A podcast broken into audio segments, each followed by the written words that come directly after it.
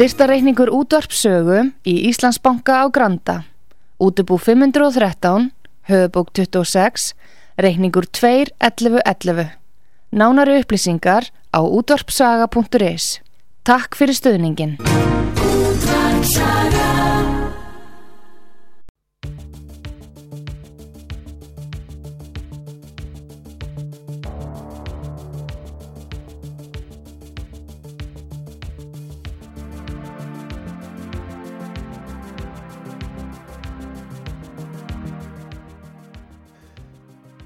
Komið í sæl, ég heit Arnar Þór Jónsson og gestur minn í dag er Helgi Örn Vikkósson. Hann er, eh, hann er eh, tölvunafræðingur og samfélagsrýnir, eh, hugbúnaða sérfræðingur. Er það ekki kannski réttar orðið, Helgi? Jú, það má segja það. Ég hef alla mína tíð starfað við hugbúnað. Já, en setna setni tilvísuna var, valdi ég nú sjálfur en ég held að hún eigi ákveðlega vel við þig samfélagsrýnir og ég viljum að ræða hér aðeins um svona vísindin og, og læknisfræði og, og annars líkt en kannski með þessum formála sem að ég ætla svona aðeins að reyfa að ég að, hef verið að velta því fyrir mér hér í þessum þáttum. Uh, hvar við erum stödd? Í pólitísku, samfélagslegu og, og vísindarlegu og ég vil í trúalegu samhengi og uh, ég hef uh, verið að setja þetta stundum í samhengi við hérna svonemdu upplýsingu þar sem að uh, menn í krafti einhvers konar vísindarlegar aðferðafræði vildu útrýma ímsum svona íms konar hjátrú og, og, og slíku og það hefur verið talað um þetta sem geysilega jákvægt tímabil í, í, í sko mannkinsögunni þar að segja 17. og 18. öldina og uh, það var svona mikil vakning meðal fólks og fólk uh, uh, svona fekk að yfka Eva og, og einstaklingshyggja svona hófsöm einstaklingshyggja sem að ég vil vissulega stiðja ég er engin, sko, ég vil ekki ábyrðalösa einstaklingshyggju en hún svona fekk að riðja sér til rúms og við sjáum, sjáum að stjórnarskrár og, og, og byltingar urðu uh, til sem að í sjálfu sér í breyðu samhengi hafa uh, sko haft mikil áhrif á hér vestræna líðræði og það sem við hefum nú nefnt klassíst frjálslindi fram að þessu. En það sem er að gerast og ég hef verið að velta fyrir mér hér er að vísindin verðast vera að íklæðast búningi trúarbræða og uh, þau uh, þá uh, taka þann snúning og þann hátt upp að vilja hugsa í hjörðum og vilja ekki stunda alveg raugræðu og jáfnvel endar þetta með því að menn sem eru með aðra skoðanir eða vilja hafa upp í gaggrinni þeir eru offsóttir og, og það er farið með á eins og einhvers konar trúvellinga. Þannig að ég hef verið að veltaði fyrir mér hvort að við séum nú ekki lengur á tímum hérna eiginlegu upplýsingar heldur að þessi brostin á einhvers konar formirkun eða mirkun hugans og um, þetta er bísna alvarlegt mál vegna þess að ef að þetta heldur lengur áfram þá eh, stöndum við fram með fyrir ógn við réttaríki því að þá er ekki allir lengur jafnir fyrir lögunum, þá má þá ofsækja söma og svifta söma hópa réttindum og útrópa þá og brenna þá einhvers konar hérna, báli í netheimum. Þetta er líka ógn við líðræði vegna þess að það er að hefta tjáningafrelsi á mörgum sviðum og einhverju beturvitar sem að telja sig hérna, geta skilgreint uh, að þessu til til dæmis 37 kín og eitthvað annars líkt en ekki bara tvö þeir vilja hafa veit fyrir okkur hinnum og, og hefta þá tjáningafrelsi þeirra sem að, sem að vilja standa á því að þessi til einhver svona bara hlut, hlutlægur áþreifanlegur, áþreifanlegur sannleikur. Og svo í þriðalagi tel ég að þess, við lifum á tímum þar sem að vísindunum í þessum skilningi sem ég var að lýsa hérna í upphafi séu ógnað þegar að, og það blasir við ef að það er raunni verið að leggja bann við evasemdum og verið að, sagt, að þrengja að málefnalegri gaggríni. Þannig að þetta eru býstna háskalegi tímar að eimsu leiti og uh, þetta er þess að meðalann sem ég vil ræða við þig Helgi og ég fylst með þínum skrifum á netun og það er kannski ágætt að heyra frá þér. Nú ert þú með þennan bakgrunn. Uh, hvað svona hefur leitti á þann stað að þú horfir með gaggrínum augum á það sem að fyrir augu ber í samfélagsumræðu og á sviði þá læknisfræði og vísinda. Já, e, ég hef aldrei tjáð mig áður um e, málefna á þessu sviði áður en það þurfti bara stórt sparki í rassin á mig til þess að, að vegna þess að upplýsinga óreiðan hún var svo mikil fljótlega. E, en svona svo ég bakki aðeins að, að hverju er ég að tjá mig um, um læknisfræðileg málefni. Það er, kemur til á því að ég eh, ég stopnaði með öðrum fyrirtæki í bandaríkjónum eh, kortið fyrir netbólu, áður en að netbólan sprakk. Og hérna við vorum að fjalla um sem sagt, vorum með tækni sem að gera okkur kleift að skilja texta eh, búa til tengingar og, og, og þetta var svona super Google getur við sagt. Og við notum læknisfræðigreinar sem uh, prófunargögn og til að búa til sínidæmi líka. Til þess að geta gert það þá þurfti ég virkilega að læra að lesa slíka greinar og skilja þær og upp úr því að, að þá hef ég alltaf verið með annað auga svona á áhugaverða hluti sem er að gerast á þessu sviði og þegar ég sé eitthvað í fjölumilum um læknisfræði þá yfirleitt slepp ég að lesa greinina í, í, í fjölumilum og fer freka beint í vísindagreinina til þess að átta á hvað það er að gerast. E, varðandi COVID að þá verði ég að viðkjanna það ég var gjörsanlega gripinn í bólinu þar til að byrja með þegar við sáum fyrstu frétti frá Kína þar sem að eh, fólk var að detta niður dáið á miðri götu en náði nú samt í flestum tilvægum að bera henduna fyrir sig.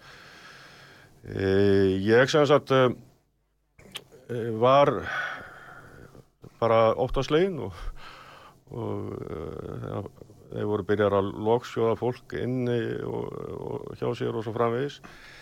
Þetta voru rosalegt myndefni sem okkur barst þarna frá Kína. Uh, ég setti á ramma minn á Facebook til dæmis ég hlýði víði og við erum öll að almannavarnir og svo framvegis. En svo fór ég að sjá að það var svo margt uh, skrítið að gerast. Uh, þetta var ekki í lagi. Og ég held að ég hafi vaknað algjörlega svona í byrjun mars. Í mars kemur til dæmis út grein eftir Dieter Ált sem er, var eh, á sínum tíma eh, fyrir faraldur allavega eh, hátt skrifaðar smistsjúknumalæknir sá hátt skrifaðast af mörgum vefum sem að halda utanum slíka skráningu. Nafnið hans hefur núna verið strókað út en hann kom með sagt, yfirlýsingu sem sagði bara partíið er búið COVID er, eh, það er auðvelt að lækna COVID. Og hann semst hafði framkvæmdi litla rannsókn á litlu tíði eh, sjúklingar sem voru reyndar langkomnir í, í COVID og náði að lækna eh, náði gríðalum árangri sagt, að, að láta fólk ná sér. Maður hefði búist við eðlega viðbröðu fjölmjöla hefði verið að, að að setja þarna upp uh, strísfrétta fyrirsagna letur um hvað þetta væri æðislega fréttir og, og, og, og svo framvegis. En þeir gagstaða gerðist. Það var farið í árásir á mann, nafnið hans var strókað út e, og reynd var að gera lítið úr honum í fjölmjölum. E, það fannst mér mjög skrítið. Síðan fór þetta alltaf, þú veist, það komið frétti frá bandaríkjónum að setja sér breytti reglum um hvernig átt að fylla út uh, dánavottur. Það voru sem, eða reglur sem hafðu verið í gildi frá 2003 sem þeir breyttu uh, þarna í byrjun faraldar uh, sem gerði þá uh, lækn, uh, fólki kleift að, að skrá nánast allt á COVID.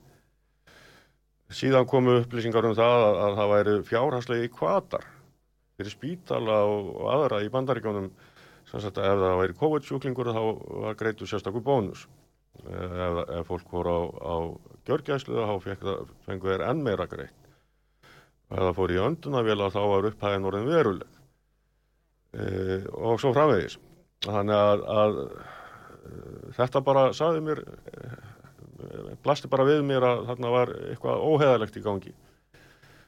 Og upp frá því að þá fór ég uh, að lesa helstu uh, vísindi í kringum þetta. Uh, og gati eiginlega ekki bara setja á mér þegar öll þessi upplýsinga fór að, að dinja á okkur í gegnum fjölmila Núna, svo sem þau ert að lýsa hérna svona aðdragandunum að þessu og núna stöndum við frammi fyrir því að á þessu tímabili er búið að hrinda af stað hérna svo kallu árvekni átaki gegn upplýsingaúröðu og árvekni á, átaki gegn falsfréttum. Og uh, hér renna saman í leggja saman krafta sínar uh, krafta sína fjölmiðla nefnd og ríkisvaldið, það er að segja vísindavefur Háskóla Íslands og síðan samfélagsmiðlinn Facebook. Mm -hmm. og uh, svona maður getur skoða þetta maður verður að skoða svona þróun með sjálfsagt fleiri glerugum en einum. Maður vil horfa þetta áta frá ímsum hliðum og leifa fólki að njóta af avans en sko ég hef verið að velta þessu fyrir mér að sko, sko fasismi ef við ræðum aðeins bara örstuðum það fyrirbæri þá ein skilgreiningin er sko svo og kannski þessi helsta er að það rennur saman sko uh, ríkisvaldið annars vegar og síðan viðskipta valdið hins vegar, stórfyrirtækin einmitt og þá síst í fasistaríkjum 20. aldar var fyrirkomulagi þannig að ríkisvaldið í rauninni styrði efnahagslífinu og fól engareknum stórfyrirtækjum að framlega ákveðna vörur á, á vissum tímum og þetta var í rauninni meðstýrt algjörlega á hinn hin, hin tegund allræðis er þá kommunismi á 20. öld þar sem að ríkisvaldið stýri framlegslu þáttunum það sem við erum að horfa á í dag svona út frá mínum bæjadýrum sem lögfræðings og áhuga mann sem stjórnmál er þetta að stór fyrirtækin hafa í rauninni tekið upp einhvers konar marxíska hugmyndafræði um það hvernig samfélagið sé uh, stórkallað, hvernig því megi breyta til hins betra með því að uh, þá rétta af einhvers konar óreittlæti sem að menn vilja þá benda á. Og síðan það sem að gerir þetta svona einhvers konar marx, einhvers svona marxískum fasisma svo ég sé nú orð stóri í þessu útars þætti einu sinni er að þá yfirtaka stórfyrirtækin, þessi stóru alþjóðlegu fyrirtæki og jáfnveil stórar alþjóðlegar fjölmeila samsteipur uh, og stórir sko auðjöfrar persónulega sem er hugmyndi sem vilja breyta heiminum yfirtaka hér sko pólitíska vald, yfirtaka ríkisvaldi algjörlega, algjörlega. þetta heitir á ennsku, til orðum þetta heitir hugtak heitir regulatory capture og við höfum verið að vinna út frá því hér á Vesturlöndum í síðustliðina áratugi að ríkisvaldið starfi nú í þáu almanna heilla. Mm -hmm. Það sem að ég er horfa upp á og það sem þú ert kannski að lýsa er sa sambarlegur ökkur sem að við þá finnum í bærast í okkar brjósti að ríkisvaldið, handhafa ríkisvaldinsins, sérfræðingarnir, embætismennir og síðan stórfyrirtækin séu þá ekki lengur að vinna í þáu sko okkar. Stopnarinnar fínu sem að við borgum skattana til séu þá ekki lengur að vinna í þá almannaheilla heldur mögulega séu farin að vinna af málstað sem kemur ekki endilega almenningi vel Alveg Ertu samála þessu? Algjörlega og þetta er náttúrulega kannski skýrt, mjög skýrt, blasi skýrt við í bandaríkjónum. Þar er til dæmis CTC og FDA að stóru leiti fjármagnað af uh, stóru lífafyrirtækjunum. Uh, það var stopnað á sínum tíma CTC Foundation til að komast fram hjá því að, að uh, stóru lífafyrirtækin gæti fjármagnað CTC og CTC Foundation borgar svo lætu peningarna renna til CTC.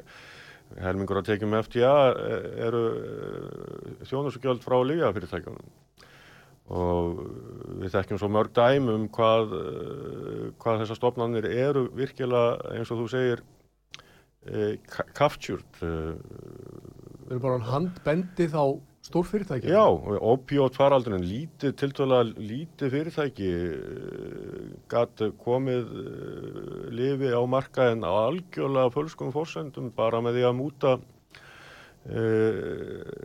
ennbætismönnum þar. Sem, sem reyndist á að vera stór hættulegt lif, ekki satt, sem að já. hefur haft í för með sig geipilega bara stóra harmleiki bara á, á heimskala. Já, gríðarlega. Og, Já, og, sem ópjóða faraldur. já, einmitt, nákvæmlega.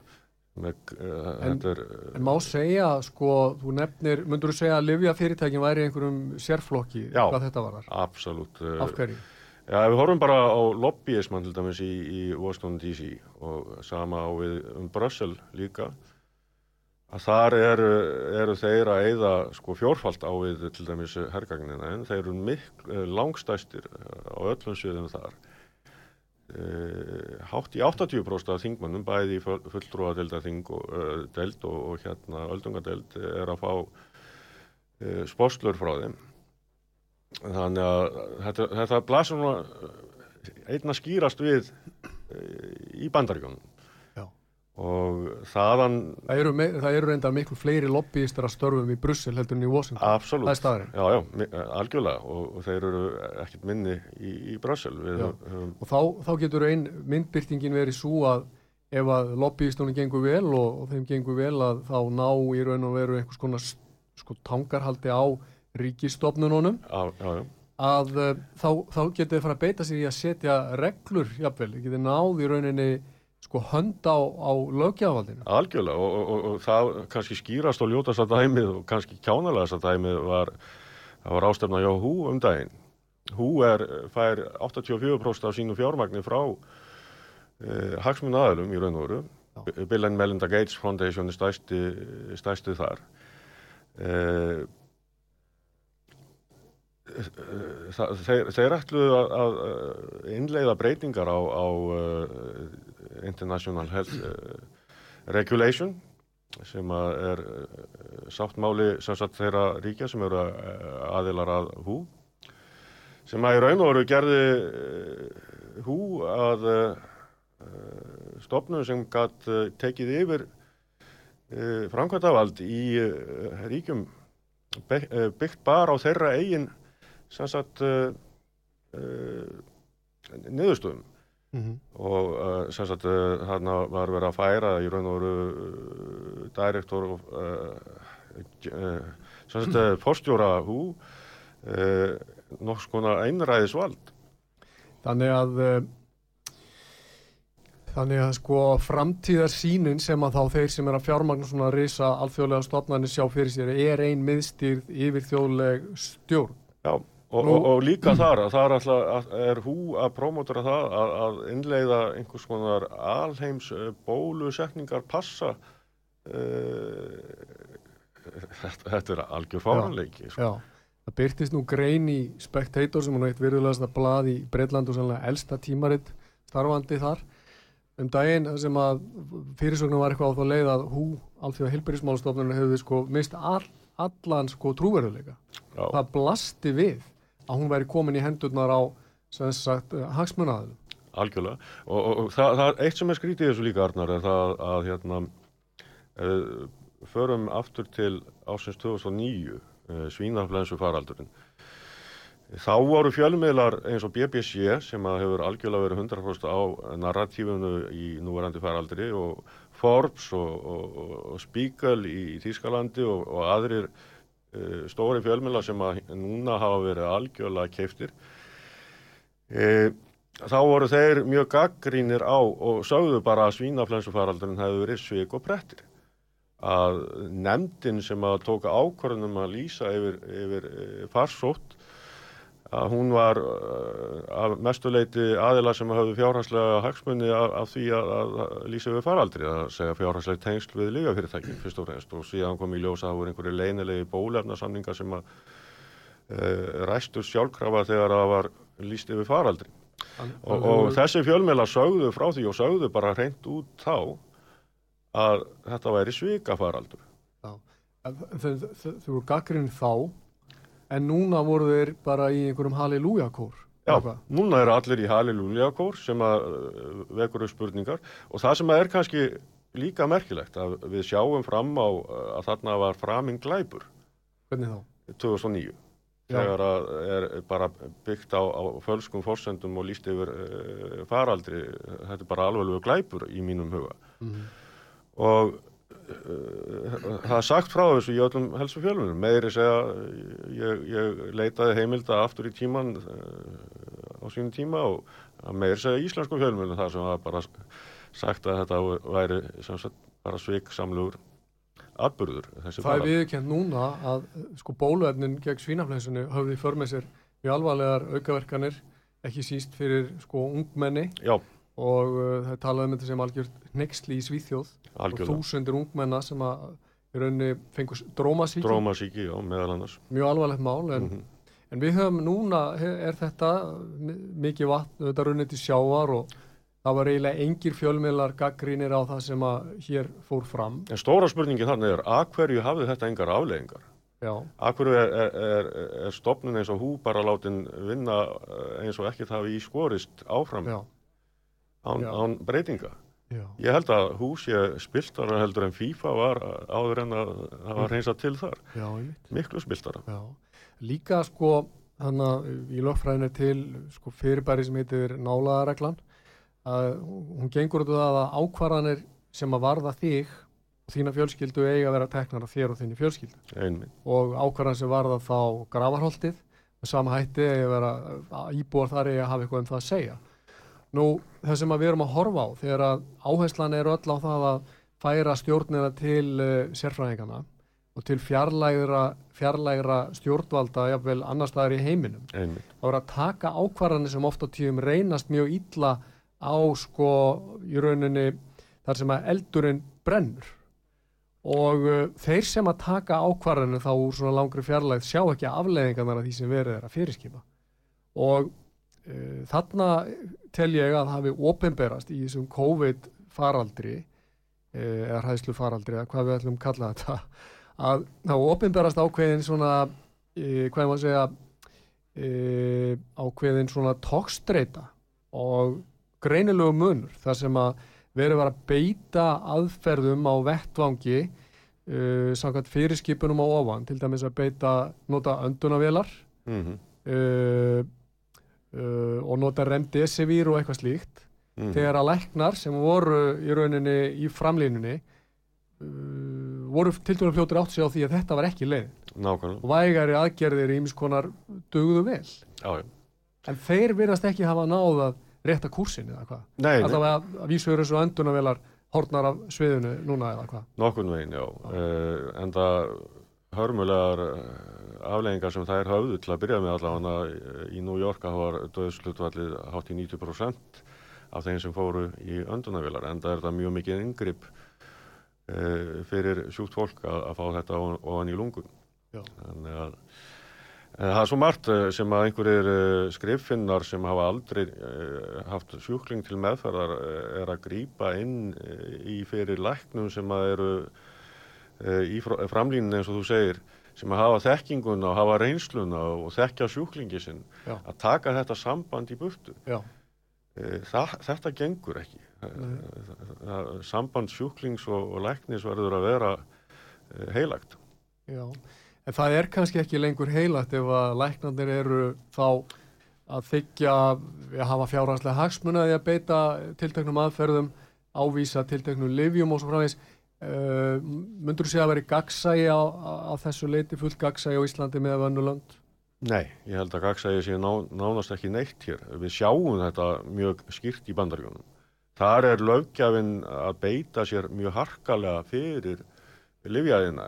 Til dæmis í Kaliforníu núna liggur fyrir þinginu þar að, að, að læknar sem að óhlýðnast og skrifa upp á yfirmektinu eitthvað annað sem að virkar að þeir, þeir eru bara reknir. reknir, sviftir bara leifinu sviftir leifinu. Það er sama í rauninni sem að mér sýnist að sé að gerast í Bretlandi þar að segja lækna sem víkja af henni þröngu braut sem að uh, lækna félagið hefur varðað þar Já, þeim er hótað með sviftingu já, þannig að myndur þú telja, sko, ef þú skoða til dæmis á Norðurlöndun, hefur kynnt er þú veist, hefur kynnt er stöðuna þar er, liggur það fyrir ljóst hvað eða minnst kosti skýrar hvaða hagsmunni læknar hafa þar Já, já, já, það, það mun skýrar og, og gegnsæra þar heldur en hér. Til dæmis í Danmörku að þar er vefur sem heldur utanum þá lækna sem að þykja uh, laun eða greiðslur frá lífi fyrirtækjum. Það er e, samkvæmt bókinans e, Petur Koski sem er nú frægast í læknir Danmerkur og vísindamæður, prófessor. Hann hefur nú unnið eh, beggja vegna bósins, hann vann sin, uh, í byrjun síns feris uh, hjá uh, Livjarísum. Uh, hann skrifaði bókina Deadly Medicine and Organized Crime, How Big Pharma Has Corrupted Healthcare. Þetta er meðsölu bók á sínu sviði. Peter er einn af stofnunum Cochrane samtakana sem voru stofnun til þess að til þess að rýna uh, sérstaklega sem sagt um, vísindin uh, vegna þess að uh, yfirleitt á treysta læknar engu eða sem sagt læknar sem hugsa það. Þar að segja stúdíum sem koma frá lífjafyrirtækjum og byggðu upp ákveðin protokól hvernig ætti að við hafa safnrannsóknir eða meta-analýsur. Uh, hann uh, hefur skrifað uh, í bókinu hans kemur fram hvernig þessu er háttað. E, læknar til dæmis að mestuleiti þykja sína endumendum í gegnum e, lígafyrirtækin.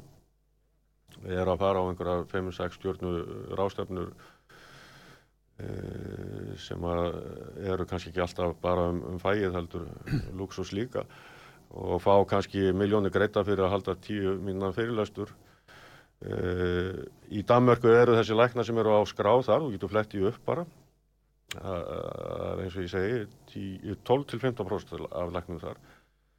Eh, þeir eru að, að sinna ímsum störfum sem að kosta ekki mikla vinnu eins og dæmis að sitja á, í advisory boards eh, sem sagt hjá lífafyrirtækjunum og eitthvað þýlikt uh, en hér þá getum við ekki séð þetta. Uh, en, en í bókinans Peters kemur fram að það er rútína hjá lífafyrirtækjunum að kaupa, sem sagt, þeir byrja á læknisfræði uh, deildónum í háskólanum að kaupa prófessoruna þar.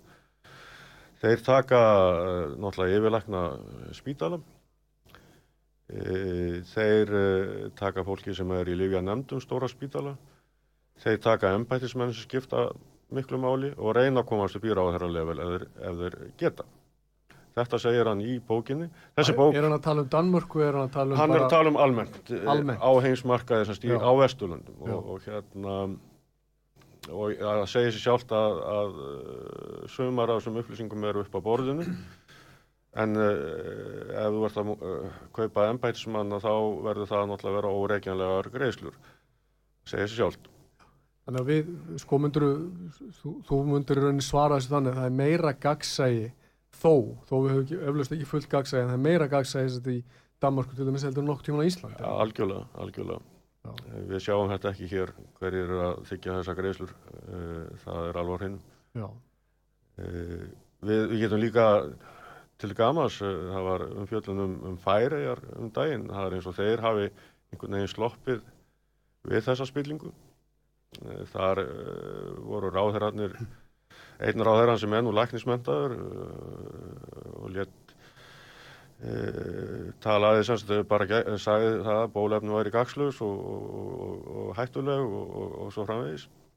Og þeir eh, einhvern veginn fylgdu ekki narratífinu mm og gerðu hál, hál, hálfpartin grín af, af því sem við vorum að gera.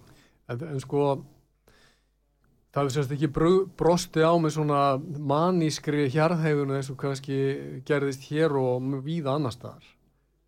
Og uh, kannski fjölmiðlar verið meira á bremsunni þar heldur en, heldur en til dæmis hér.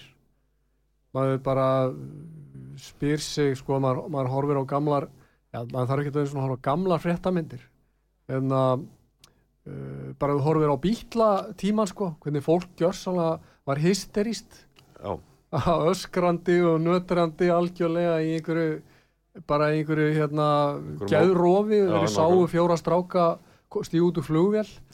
Hvað, hvað virðist vera mm, ef þú ert nógu sko svona einbeittur, þú virðist vera auðvelt að selja ákveðna hugmynd og selja uh, svona einhverja sefjun Þetta er bara sálfræði og hún er vel skjöluð sko í, í vísindónum og, og hérna það verið gerðar mjög margar, gefnar út mjög margar stúdjur sem eh, hafa eiginlega getað lýst því sem er að gerast núna sko um, það, sem ég kallast parasite stress theory eða síkla óttakenningin hún er langu öflugust af öllum tækjum sem að stjórnvöld geta notað til þess að hafa stjórn á múgnum Já.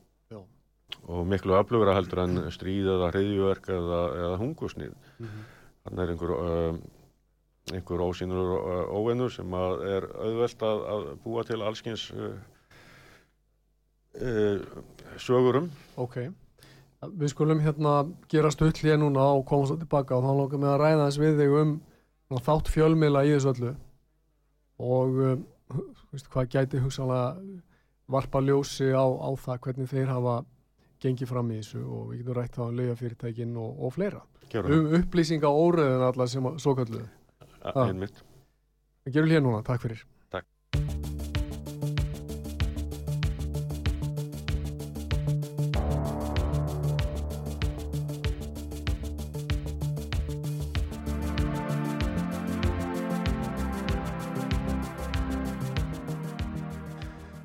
Já, komið sæl aftur, ég heit Arnar Þór Jónsson, gestur minn í dag er Helgi Örn Viggósson.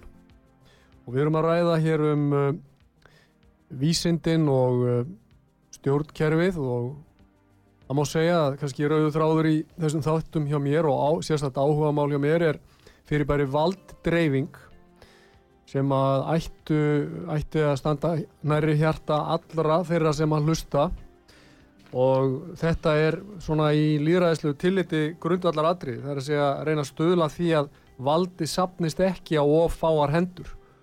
Og nú hef ég verið að velta því fyrir mér og við helgi aðeins verið að ræða það hvort að staðan sé mögulega svo að uh, það sé komið málum sé þannig komið að stór tæknifyrirtæki fjölmiðlar og alþjóðleg, alþjóðlegar fyrirtækja samsteipur hafi náð tangarhaldi á stjórnarstofnunum ríkjana og jáfnvel uh, beiti því valdi af óbylgitni gegn almenna hag. Þetta eru spurningar sem að ég held að við verðum að ræða ef okkur er annar borð hérna, umhugað um það að verja hér hérna frjálsu samfélagsgerð. Þannig að við meðum ekki standa blind og varnalös gagvart slíkri ógni ef að hún er fyrir hendi. Ég hef vísað til þess í fyrri þáttum að uh, til bók sem heitir COVID-19 bandstrygg The Great Reset en hún heitir, heitir, heitir reyndar COVID-19 tvípunktur The Great Reset og annar höfunda þessa bóka er maður á nafni Klaus Schwab og það segir þannig framalega í bókinni að, að uh, COVID-19 faraldurinn byrti okkur einstak tækifæri til að umbylta hagstjórn hérna, heimsins og, uh, og uh, pólitísku landslægi og um, það sé best gert með því að koma á einni, einni miðstýrðri stjórn, svo kallu big government, sem að ég hef fært rauk fyrir að sé gangi þvert gegn almannahag og, og gangi þvert gegn því sem að uh, við myndum kalla skilvirt og skilvirkasta og besta stjórnkerfið uh, því að við þurfum á vettvangi að geta beitt þeim lausnum sem að henda hverju sinni og henda aðstæðum hverju sinni frekar heldur en að vera með valdið í fjarlægum löndum þar sem að við getum engu um það ráði hvernig því er beitt. Nú, uh, uh, við Helgi vorum á árum við gerðum hérna auðlýsingarlík, vorum að ræða hér um fjölmiðlana og nú ert þú betur að þér en ég Helgi um það, við höldum aðeins áfram að ræða um livjafyrirtækin. Hafa livjafyrirtækin verið, er það rétt að þau hafi beitt sér mjög gagvart fjölmiðlónum, þar að segja í formi veitt styrki í formi auðlýsinga eða hvernig sem það er? Og getur við greint þá einhver óeðlega áhrif á fjölmiðla umfjöldun? Já, það er horfum aftur til bandarkjana þar sem að rót vandans liggur og, og, og, og spillingin þar smittast svo hingað yfir allan hinn vestaræna heim að minnst ákvæmstu e, hlutdeild uh, til dæmis lifjafyrirtækjana í auglýsingum stóru sjóastöðan í bandaríkjónum er uh, um það byrj 70% þegar ekki er kostningar ár og það segir okkur náttúrulega alveg, það segir segilega sjálft að, að það bindur þessa fjölmiðla eh, talsverk hvað varðar hvað þau geta hvað þeir geta eh, fjallað um í samhengi við þessa stóru hagsmunni e, svo eru við með e, við getum sagt að, að Bill and Melinda Gates Foundation er er alltaf einhver staðar þarna í öllu þessu samhengi e, hvers sem litið er. Að á síðustu árum uh, bæði eilítið fyrir faraldur og meðan að faraldur hefur staðið þá hefur þessi stopnun styrt fjölmjöla um á 400 miljónir í bandaríkjadólara og það er ekkert smávegis. Og við erum að tala um, um fjöl, jafnvel ríkisfjölmjöla eins og BBC sem hafa þegið eh, eitthvað á þriðja 20 miljóna punta eh, frá Bill and Melinda Gates Foundation. Uh, undir einhverju yfirskinni að það sé til að framleiða einhverja náttúrulífs heimildathætti eða eitthvað álíkað, þú veist. Uh, sama með á þessum lista sem að þarna erum að ræða eru allir þessi stóru uh, fjölmila síðan eru við með Býtaðis Helgi, sem sagt getur þá, ég meina myndur þú telja að það sé þá trúverðugt að sem að kemur fram á vef uh, fjölmiðlanendar í tegnslu við þetta árvekni átak að við mat á fréttum berið þá að horfa til þess hvort að stórir og rótgróni miðlar hafi fjallað um málið?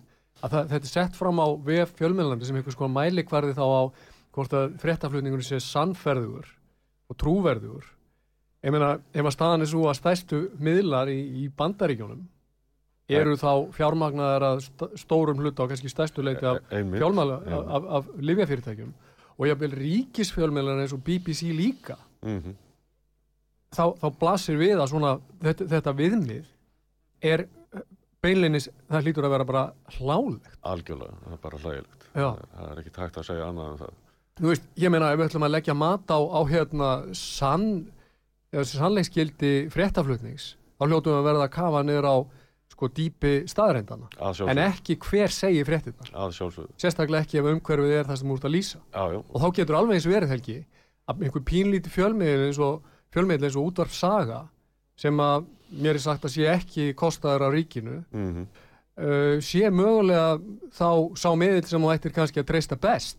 Já, þó að eflaust fljóti margt rusl með skiluru að sjálfsög við verðum að treysta fólk hér ekki til að beita sín já, já, beita, uh, fólk á náttúrulega sko, vitur maður, hann á alltaf að komast hann kemst alltaf að niðurstu á eigin fórsendum, hann rannsaka málið hann, hann bara, hann er ekki eins og páagöku sem þylur upp eitthvað sem hann heyrir hann, ef hann ætlar að tala um eitthvað þá þarf hann að hafa þekking á því og kafa niður í staðreindunar til þess að afla sér hennar. Já, en núna, svo sem byrtist mér þetta þannig að af hálfu yfirvalda, fjölmiðlana og þá margra þessara stór fyrirtækja sem vilja nú seilast til valda og áhrifa á okkar tímum sé ekki mikill áhuga á því að fólk sé að kafa niður á þetta dýpi og sé að hugsa sjálfstætt. Na, það er greinlegt. Ég hef sjá... sagt hvernig eða hvaða eigi að hvaða skoðanir eru leifilegar og hver er ekki. Við sjáum það bara á, á samfélagsmiðlunum að það sem að fólk er uh, bara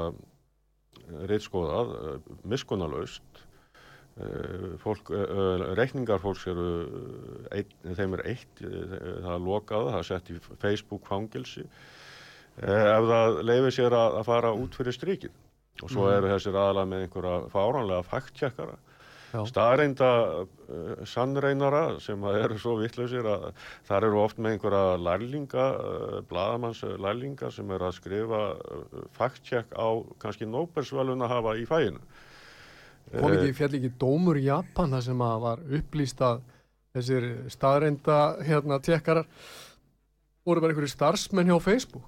Jú og, og það fjall uh, það var dómsmálu reyndar í bandaríkjónum það sem að það sem að Facebook var að verja, verja þessa þvælu fyrir, fyrir dómara. Já. það sem að þegar það var búið að sína fram á í, í, í málflutningi mót aðilans uh, að allt sem að kom frá þessum starreinda tjekkara sem að var á vegum Facebook uh, var vittleisa. Mm -hmm. Þá notaði lögmaður Facebook, eða Meta eins og það heitir núna, þau rauk að þetta væri ekki starreinda próf heldur og væri þetta bara þeirra skoðun. Já, þeir klæða þann búning að þetta sé fact-check, þetta Já. sé staðrenda. Einmitt, Þess að, eh, þetta er, eh, það er bara glæpamenn sem hegða sér svona. Eh, þetta er ekki heðalegt. Já, ég meina, þú veist, ég- Orwell lísti þessu einhvern veginn þannig, þú veist, svart er hvítt, stríð er friður, lí er sannleikur. Nákvæmlega. Ég meina, hvað, má það bara benda á svartan vegg og segja að hann sé hvítur? Og við eigum við að trúa því. Samkvæmt uh, rauksamt uh, lögmanns uh, Meta eða Facebook, þá, þá er það svo. Og má halda í rauninni fram í rauninni villandi, beinlinis villandi upplýsing og kalla það sannleika. Og ef þú heldur því fram í fæslu á Facebook að veggurinn sé hvítur og, Facebook er ekki samanlegar, þá, þá ertu í vondum málum, þau loka bara á því. Einmitt. En núna, sem sagt, nú er þetta svo áhugavert vegna þess að á sama tíma og það er rekið hérna árvekni kakvart upplýsinga órauðu og falsfréttum uh, uh, að þá hrinur nú af svona þessum píramíta sem að var búið að reysa vísinda píramítanum Mm um það hvað væri þá rétt og satt? Ég meina, var okkur ekki sagt í upphafi að bólefni virkuðu? Þau myndu, þú myndir ekki sagt smitast og ekki smita aðra. Já, og um, alls konar fullinninga komið fram sem að síðan hefur komið ljós að fá ekki staðist. Já, já, já og, og, og það er kannski enn alvarlega en það vegna þess að uh, við vissum þetta fyrirfram. Uh, strax og, og, og fólk var að tala um það eða semst þeir sem að uh, hanna narratífið að, að bóluefna leiðin væri svo, svo eina rétta að þá uh, vissum við ákveðna staðrindir að okkur aldrei tekist að búa til bóluefni gegn kvefi eða koronavirum almennt bara ekki eh, veist, við höfum aldrei getað búið til bólefni sem að kemur í veg fyrir smitt sem að smittast fyrst og fremst í efri öndunavegi Eh, það er bara staðarind og, og, og, og go-to sérfræðingar meginströmsmiðlan í bandaríkjónum þeir eru Peter Hoteth og, Paul Offit komu eh, í viðtöl og, og, og fyrir þingnefndir og vöruðu við þessu og vöruðu ekki bara við því að, að við gætum ekki búið til bólefni sem kemur veg fyrir dreifingu smits heldur líka alvarlegum sagt eh, mjög alvarlegum aukaverkunum sem að komið fram, hafa komið fram í þeim rannsóknum sem hafa verið í gangi sí- tvo, tvo áratíi eftir SARS-CoV-1 eh, þar sem að eh, það er komast aldrei upp úr dýrafasan vegna þess að eh, dýrin eh, dóu alltaf út af eh, sjúkdómseflandi mótefnamögn eða Eh, þannig að þeir vöruðu við þessu Nú hefur við leiðið fyrir það ekki helgi á, bara í langan tíma að svona vírusar, svona kvef vírusar, þeir Mhm. breytast svo hratt, það er ekki hægt að búa til bóluefni gegn. Það er, held ég að sé niðurstaða margra áratuga rannsóknar. RNA veirur eh, breytast ört, já, það er rétt og, og mun örar heldur en Það var ráðist svoleiðis hérna með kjaft og klóm á mig fyrir að vara við því að veri verið að sprauta börn hér með hérna, bóluefni sem var ha- hanna fyrir þá Wuhan afbreyði eða eldri afbreyði þegar fó- komið fram á sjónasviðið. Svo sá ég núna bara í gær sem sagt ræðu sem George Soros flutti á, á hérna þingi þarna World Economic Forum 25. mæ Davos, Já, þá er hann að reyna að varpa ljósi á það hvers vegna svona Kína gengur svona langt í frelsissviftingum í Shanghai og víðar mm. og hann heldur í fram að sé þetta er hans skoðun en hann segir þetta samt að það sé út af því að Kínafórsiti sitja á leindamáli sem að þólur ekki sannleikan því að Kínverðar hafi ekki verið upplýstur um það að þeirra verið sprautaðir með bóluefni sem var hanna fyrir Wuhan-vírusin þegar að Omikron og síðar afbreyð voru komað fram á sjónarsvegu og virki þar að leiðandi ekki Mm Þannig að þetta var nú bara sjálfur George Soros sem saði þetta. Já, já. Uh, sko Kína, þáttu Kína í þessu er náttúrulega mjög uh, og ætti að vekja spurningar. Þetta byrja mm, með miklum kvelli í Wuhan og, og, og hérna, en svo er, svo er uh, faraldurinn alltaf búinn í Kína í apríl 2020. Mm. Akkur hefur enginn spurt hvernig galt staða á því? Allt í nú var búinn. Og fólk var farið að, að halda partí og, og myndi byrtust frá Úhan þar sem að fólk var í þúsundu saman að, í, í sundlög og, og í, sundlögapartíu e, þetta sko ef, ef þú skoðar þetta með gaggrínum augum að þá bara stennst þetta ekki. Og, og fjölmjölar hafa ekki verið að velta svona krítiskum spurningum upp. Nei. að hverju hverju má ekki spyrja spurningum? Já. og svo allt í hennu fór faraldurinn uh, í gang afturinn og nýlega þú veist og, og allt í lockdown í Kína út á örfáu smittum uh, og flestir uh, engjanalusir Já. þetta er bara sjón þetta er eitthvað leikrið sem er í gangi. Þetta er ekki röggrétt Sko ef þú ætlar að reyka sko allræðistjórn þá veistu það að þú lítur vendala að þú eru að halda fólki í óta þú algjörlega ert að sína já. og ég hef svona verið að hugsa með mér að kannski er það skýringin á því hvað er gengið hart fram. En segðu mér aðeins hérna úr búin að vera að skoða þetta. Svona ímsa staðrendir kannski sem að hefur haldið af fólki sem hafa síðar ekki reynst réttar. Getur þú komið með einhver dæmi? Bara svo að það heyrist nú hér á öldum ljósvakars. Já, e, það er svo margt, e, þetta er eiginlega endalaus listi, en það var dálítið skemmtileg uppákoma í bandaríkunum um daginn, sem að landlæknirinn, Vivek e, Murthy heitir hann, Surgeon General er hann kallaður, hann e, gaf út langa og mikla skýslu, 22 síður, og, og yfirlýsingu um leið varandi upplýsinga óreiðuna og að þessu upplýsinga óreiða e, hún e, væri skadaleg hún hérna rýriði tröst á stjórnvöldum og, og, og svo framvegis.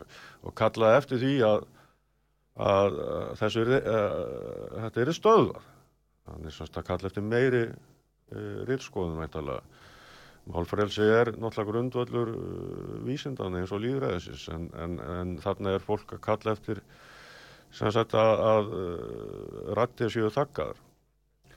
Eh, hann kvatti líka fólk til að senda sér upplýsingar um dæmi sem sagt um rángar upplýsingar, um, um misinformation. Og að, og að dóldi fyndið það var hérna eh, Todd Ricota heitir hann, hann er uh, ríkislagumar í Indiana fylki. Hann tók hann landlæknirinn á orðinu og, og, og hérna leta ennbætti sitt uh, uh, búa til skýslu um helstu og alvarlegustu röngu upplýsingarna sem er í dreifingu og fekk til þess við sig tvo góða sérfræðinga annars vegar Jay Bhattacharya Bhattacharya held ég hann heiti hann er eh, professor við eh, læknisfræði held Harvard og, og, og Martin Kuldorf sem var það líka hann er nú orðin sjálfstæðanuna og þeir gerðu sem sagt eh, eh, smá skýslu um, um helstu röngu upplýsingarnar. Og það allar þessar upplýsingar sem eru hvað alvarlegastar hvað rángindi að vera rángar koma frá stjórnvöldum. Og þá fór ég til dæmis töldu upp nýju meginatriði. Til dæmis e, fölsun á, á eða oftalning á, á COVID-19 bæði hvað var þar e, döðsföll og, spítalainnlagnir. E, í bandarjónum eru reglunar það er eins og víðast reyndar.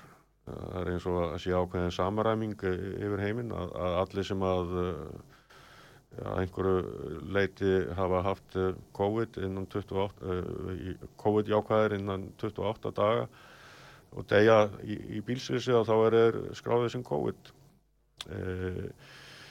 það er það komur reyndar út rannsók sem að gerði samanbörð á því sko hefði sé ekki breytt reglunum um, um hérna dánavottorðin frá 2003 að þá væri þessi tala sem að er gefið upp sem dánar döðs, döðsföll af völdum COVID bara 17% af því ef það væri stuðst við regluna sem gildu áður en faraldurum byrjaði.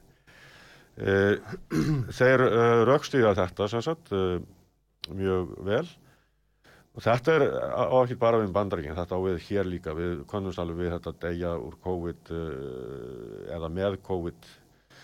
Veist, í, í Breitlandi þá kom fram að, að stjórnvöld höfðu lengt upplýsingum um, um, um það, þá staðarind að, að 55% af spítala innlögnum sem voru flokkaður og uh, gefnar út sem COVID spítala innlögnum voru ekki vegna COVID. Heldur voru þeim eldir Eh, sagt, þeir voru lagður inn eh, á spítalan af öðrum orsökum mm -hmm. og þetta og eh, mæl greindust síðan inni þeir voru lagður inn já, já. Og, og, og, og svo er spurning hversu góða greininga það eru þegar að ég tala um gömmi bandaríkjum það eru stórkoslir fjárhæskvatar að, að skrá fólk með COVID. Eða þeir bent á fleira atrið eins og við, uh, að, að fósfa, uh, talsmenn uh, fórstjóri CTC og talsmenn heilbyrðiskerfisins í bandaríkjónum hafa reynd að þeir starfa sem sölumenn bólefnana fyrst og fremst. Þeir hafa reynd að gera lítið úr úr náttúrulegu ónæmi allar ansóknir sína að hefur mikla yfirbörði yfir yfir eh, annars konar ónæmi. Þeir eh, tölvuðu líka um að falsfréttir, eða semst, uh, bara legar heilbreyðis yfirvalda um það að bólefning kemur til með að stöðva hérna smitt og dreifingu veik, uh, veikinnar og raukstuðu það vel. Þeir fóru líka í gegnum Það sem á við í bandaríkjónum, þar voru skólar að miklu leiti lokaðir, eh, sum, sumstaðar bara í, í yfir heilt ár og bent á að, að, að og, og stjórnvöldu eh, raukstutu það að það væri til hagspóta og það myndi ekki kosta neitt eh, sem er náttúrulega vittleysa. Þeir töluðum það að, að stjórnvöldu hafa sagt að allir hafi sömu áhættu af því að uh, þurfa að leggjast inn á spítala eða, eða degja af COVID sem að við vitum öll að er ránt. Af því að sko ungt fólk og heilsurhaust var í hverfandi lítilli hættu. Engri nánast. Eldra fólk, ofittusjúklingar og fólk sem var langt þriða fjórastega krabbamennu var miklu meiri hættu. Já. En þarna var í rauninni hennu Oppenberg lína var að allir væri í sömu og sambarleiri hættu. E, Engin greinamönnu gerður. Einmitt, uh, bara alltaf sem er náttúrulega þvílík eh, þvæla og, og hérna e, og svo heldur e, stjórn, hafa stjórnvöld haldið í fram og reynda að verja þessar lokanir og að þegar allar rannsóknir sína okkur fram á að það hafi ekki skilan einu annað en stórkostlegum kostnaði fyrir samfélagið. Kostnaði sem við erum vantalega enna býtu nálinu með. Heldur betur Það er búið að prenta peninga stanslust bara í vestrana heimi og kannski út um allt tvö ár til haldöldu gangandi. Já, já. það er kannski skrítið þó að sé meðvirkandi þáttur í aukinu verðbólgu. Já það er bara eiginlega segja sér sjálft. Uh, grímuskylda, þeir, þeir gaggrína það líka, ég minna fyrir faraldur að þá höfðu við hellinga góðum uh, klíniskum rannsóknum, slempi stýriðum sem sagðu okkur að, að grímur virkuð ekki gegn uh, influensu til dæmis. Og, og hérna þetta vissu allir. Og, og uh, Fauci og Þórólfur sagðu í upphæðu faraldar að grímur getur gert meira ógagn heldur en gagn svo allt í hennu að pólitískum, ekki vísindalum ástæðum að þá var farið það að, að setja einhverja tösku fyrir andlita á fólki. Mm -hmm. það er engin vísindaleg rauk fyrir því. Sem að raunar, raunar eru líka komið fram vísindalega rauk er það ekki um það að grímandi getur gert ílt verra? Satnaði þessi bakterjum og, og aukið á alls konar hættu á síkingum Algjörlega, það höfum við líka alltaf vitað. Við, við eigum rannsóknir eh, fyrir faraldur sem sína fram á það. Framkalla súrefnisturð Já, og, og verið að mörguleiti þroskahamlandi fyrir, fyrir börn sem að þurfa að búa við þetta ástandi sem getur ekki greint svipriði og veru, það er bara hérna, eru setni til máls og, og það er alls konar hliðaverkanir af þessu. Algjörlega og þetta er mjög alvarlegt fyrir börn, þeirra tími líður hratt og þau geta ekki lifa aftur þessi mikilvægu þessi mikilvægu mánuði í þróskaferlinu sem að er verið að taka af þeim. Þetta er mjög alvarlegt. og líka er er að gagnrýna þessa fjöldaskimanir og einkennalösa fólki og rakningu og, og að setja fólk sem er ekki veikt í einangrun og svo framvegis mm. sem hefur kostað alveg gríðarlega mikið eh, og fólk orðið gjaldrót og mistunnuna og svo framvegist út um allan heim. Já. Það er engin vísendalegu rauk fyrir eh, þessum aðgerðum. Nei. Og það að, að, að útrýming á COVID-19 sé físilegur og raunhæfu kostur og sem markmið Eh, byrja á því að segja okkur já við þurfum tvær viku til þess að fletja út kurvuna og svo þekkjum við framhaldið. Eh, þetta er allt byggt á einhverju sem að stangast á við alla, öll góðu rauk og öll góðu vísindi. Þannig að, þú veist, og nú er tíminn bara að renna frá okkur og, þú veist, ég hef, við erum ekki einu sinni komin út í það að ræða hefna, um bóluefni sem slík og, og gagsemi eða skaðsemi þeirra. En hérna, ég meina, er niðurstaðan þá svo að, að hérna, að uh, upplýsinga óreðan og falsfrétnar komi þá ekki síst frá uh, hinn ofinbera? Já, fyrst og fremst, eins og lögmaðurinn, þarna, uh, ríkislögmaðurinn í Indiana segir, að þá eru alvarlegustu, lang alvarlegustu röngu upplýsingarnar koma frá stjórnvöldum. Heldur, nú, nú áttu ekki Kristaskúlu frekar en ég, en erum við að horta á þess að upplýsingafundi þrýekisins eftir tíu ár, eða eftir fimm ár. Allir niðurstaðan verið svo að þarna hafi meir og minna verið þá verið dreift raungum upplýsingum. Ég er ansið hrættur um það. Já. Ég er eiginlega vissun um. Já. Helgi, við vonandi bara getum haldið þessu samtali áfram. Það verður gáðan. Kemur kannski aftur til mín. Alveg endilega. En takk fyrir að koma, þetta búin áhugavert. Takk hjá það fyrir að hafa mig. Takk fyrir að hlusta, getur hlustendur þetta með lokið.